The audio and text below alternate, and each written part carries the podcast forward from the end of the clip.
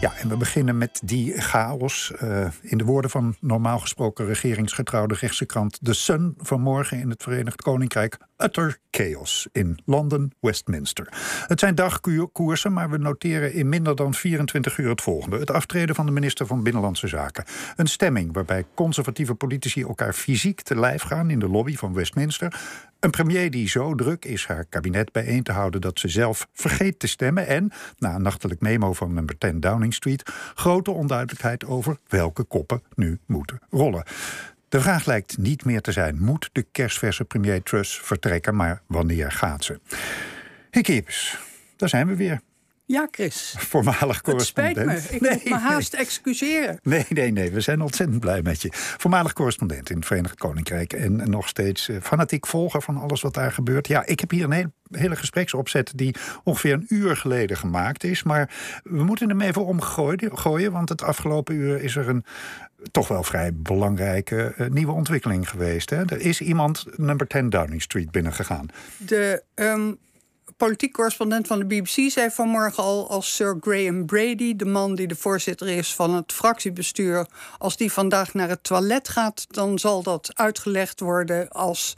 Uh, is dit een move of niet? Maar Sir Graham Brady is nu in number 10. En de vraag is dus, is dat om tegen Liz Truss te zeggen: Ik heb zoveel brieven gekregen en er is zo'n overweldigende stemming in de partij dat het zo niet verder kan. Dat ik u aanraad om de eer aan uzelf te houden en te vertrekken.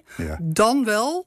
Uh, zoals de BBC meldt, heeft Liz Truss zelf om dit gesprek gevraagd. En wil zij weten um, hoe de zaak ervoor staat en of zij vol kan houden dat zij als leider de conservatieve partij de voorkomende verkiezingen in kan, in kan leiden. Ja, en weten we een klein beetje hoe het ervoor staat? Er moet 15% van de fractie moet zeggen: we willen van mevrouw Trus af om een begin te kunnen maken met haar wegkrijgen, toch? Ja, nou formeel is het zo dat een jaar lang zij niet afgezet kan worden, want dat is om een om een nieuw gekozen leider de ruimte te geven om zich eventjes uh, te ontwikkelen. Maar in dit geval zijn er zulke ongekende uh, taferelen en gebeuren er zulke ontzettend rare dingen.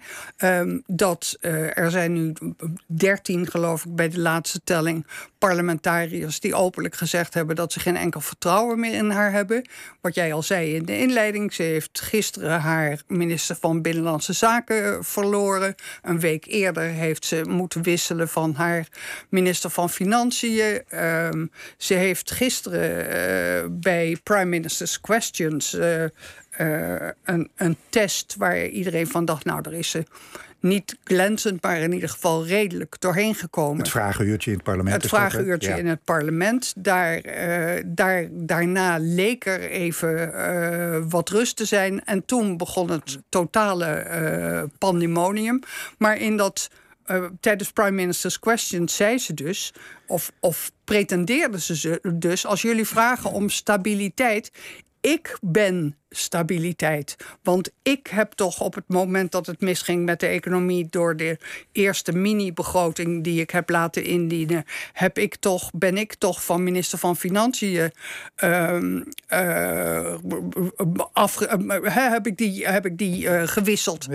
Dus um, eigenlijk waar zeuren jullie nu over als jullie klagen over gebrek aan stabiliteit? Ik ben de vlees geworden stabiliteit. Ja, maar dat is toch wel een beetje de pyromaan die zichzelf tot brandweer uitroept, of niet? Dat is een ja, dat is een definitie die ik heel goed vind.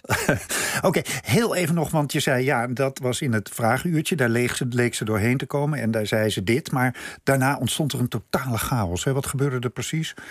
Wat er gebeurde, um, ik moet even goed nadenken om dat goed, om dat goed uit te leggen. De um, uh, regering um, is van plan om uh, in haar hang naar groei opnieuw mogelijk te maken dat er naar schaliegas gezocht wordt. Ja, daar moest over gestemd worden. Daar moest over gestemd worden. Daar zijn ongelooflijk veel parlementariërs tegen.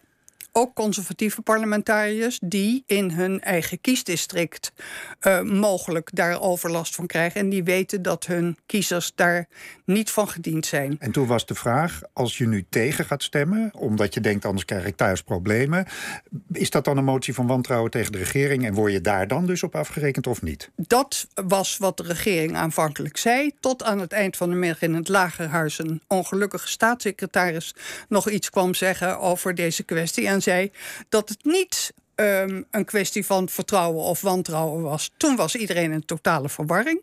Toen was de stemming daar. Toen stonden dus in de lobby, waar twee poortjes zijn, eentje voor het regeringsstandpunt en eentje van de oppositie tegen het regeringsstandpunt.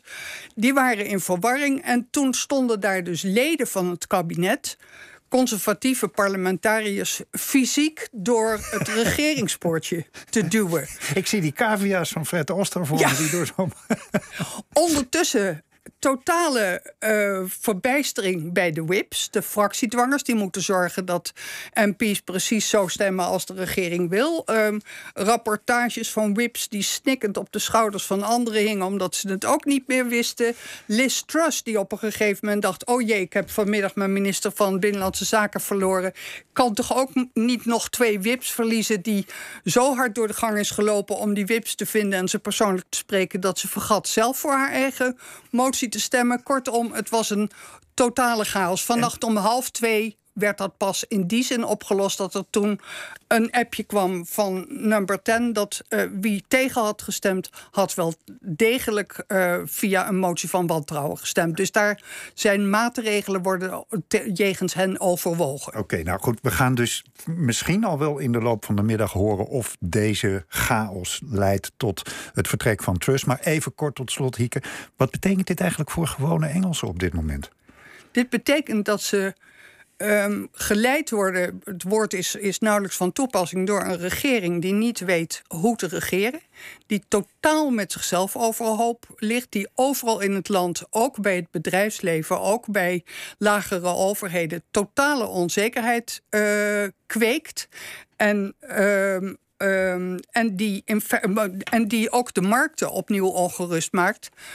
Waardoor uh, de stijging van de rente, die even enigszins bedwongen was, en de zwakte van het pond, die enigszins gekalmeerd leek, uh, uh, opnieuw uh, de kop op zullen steken. Met als gevolg dat gewone mensen aan niet weten waar ze aan toe zijn in een winter waarin naar schatting 2 miljoen uh, ambtenaren, van vuilnisophalers tot uh, mensen die werkzaam zijn in de gezondheidszorg, uh, tot treinbestuurders enzovoort, zullen ehm, gaan staken.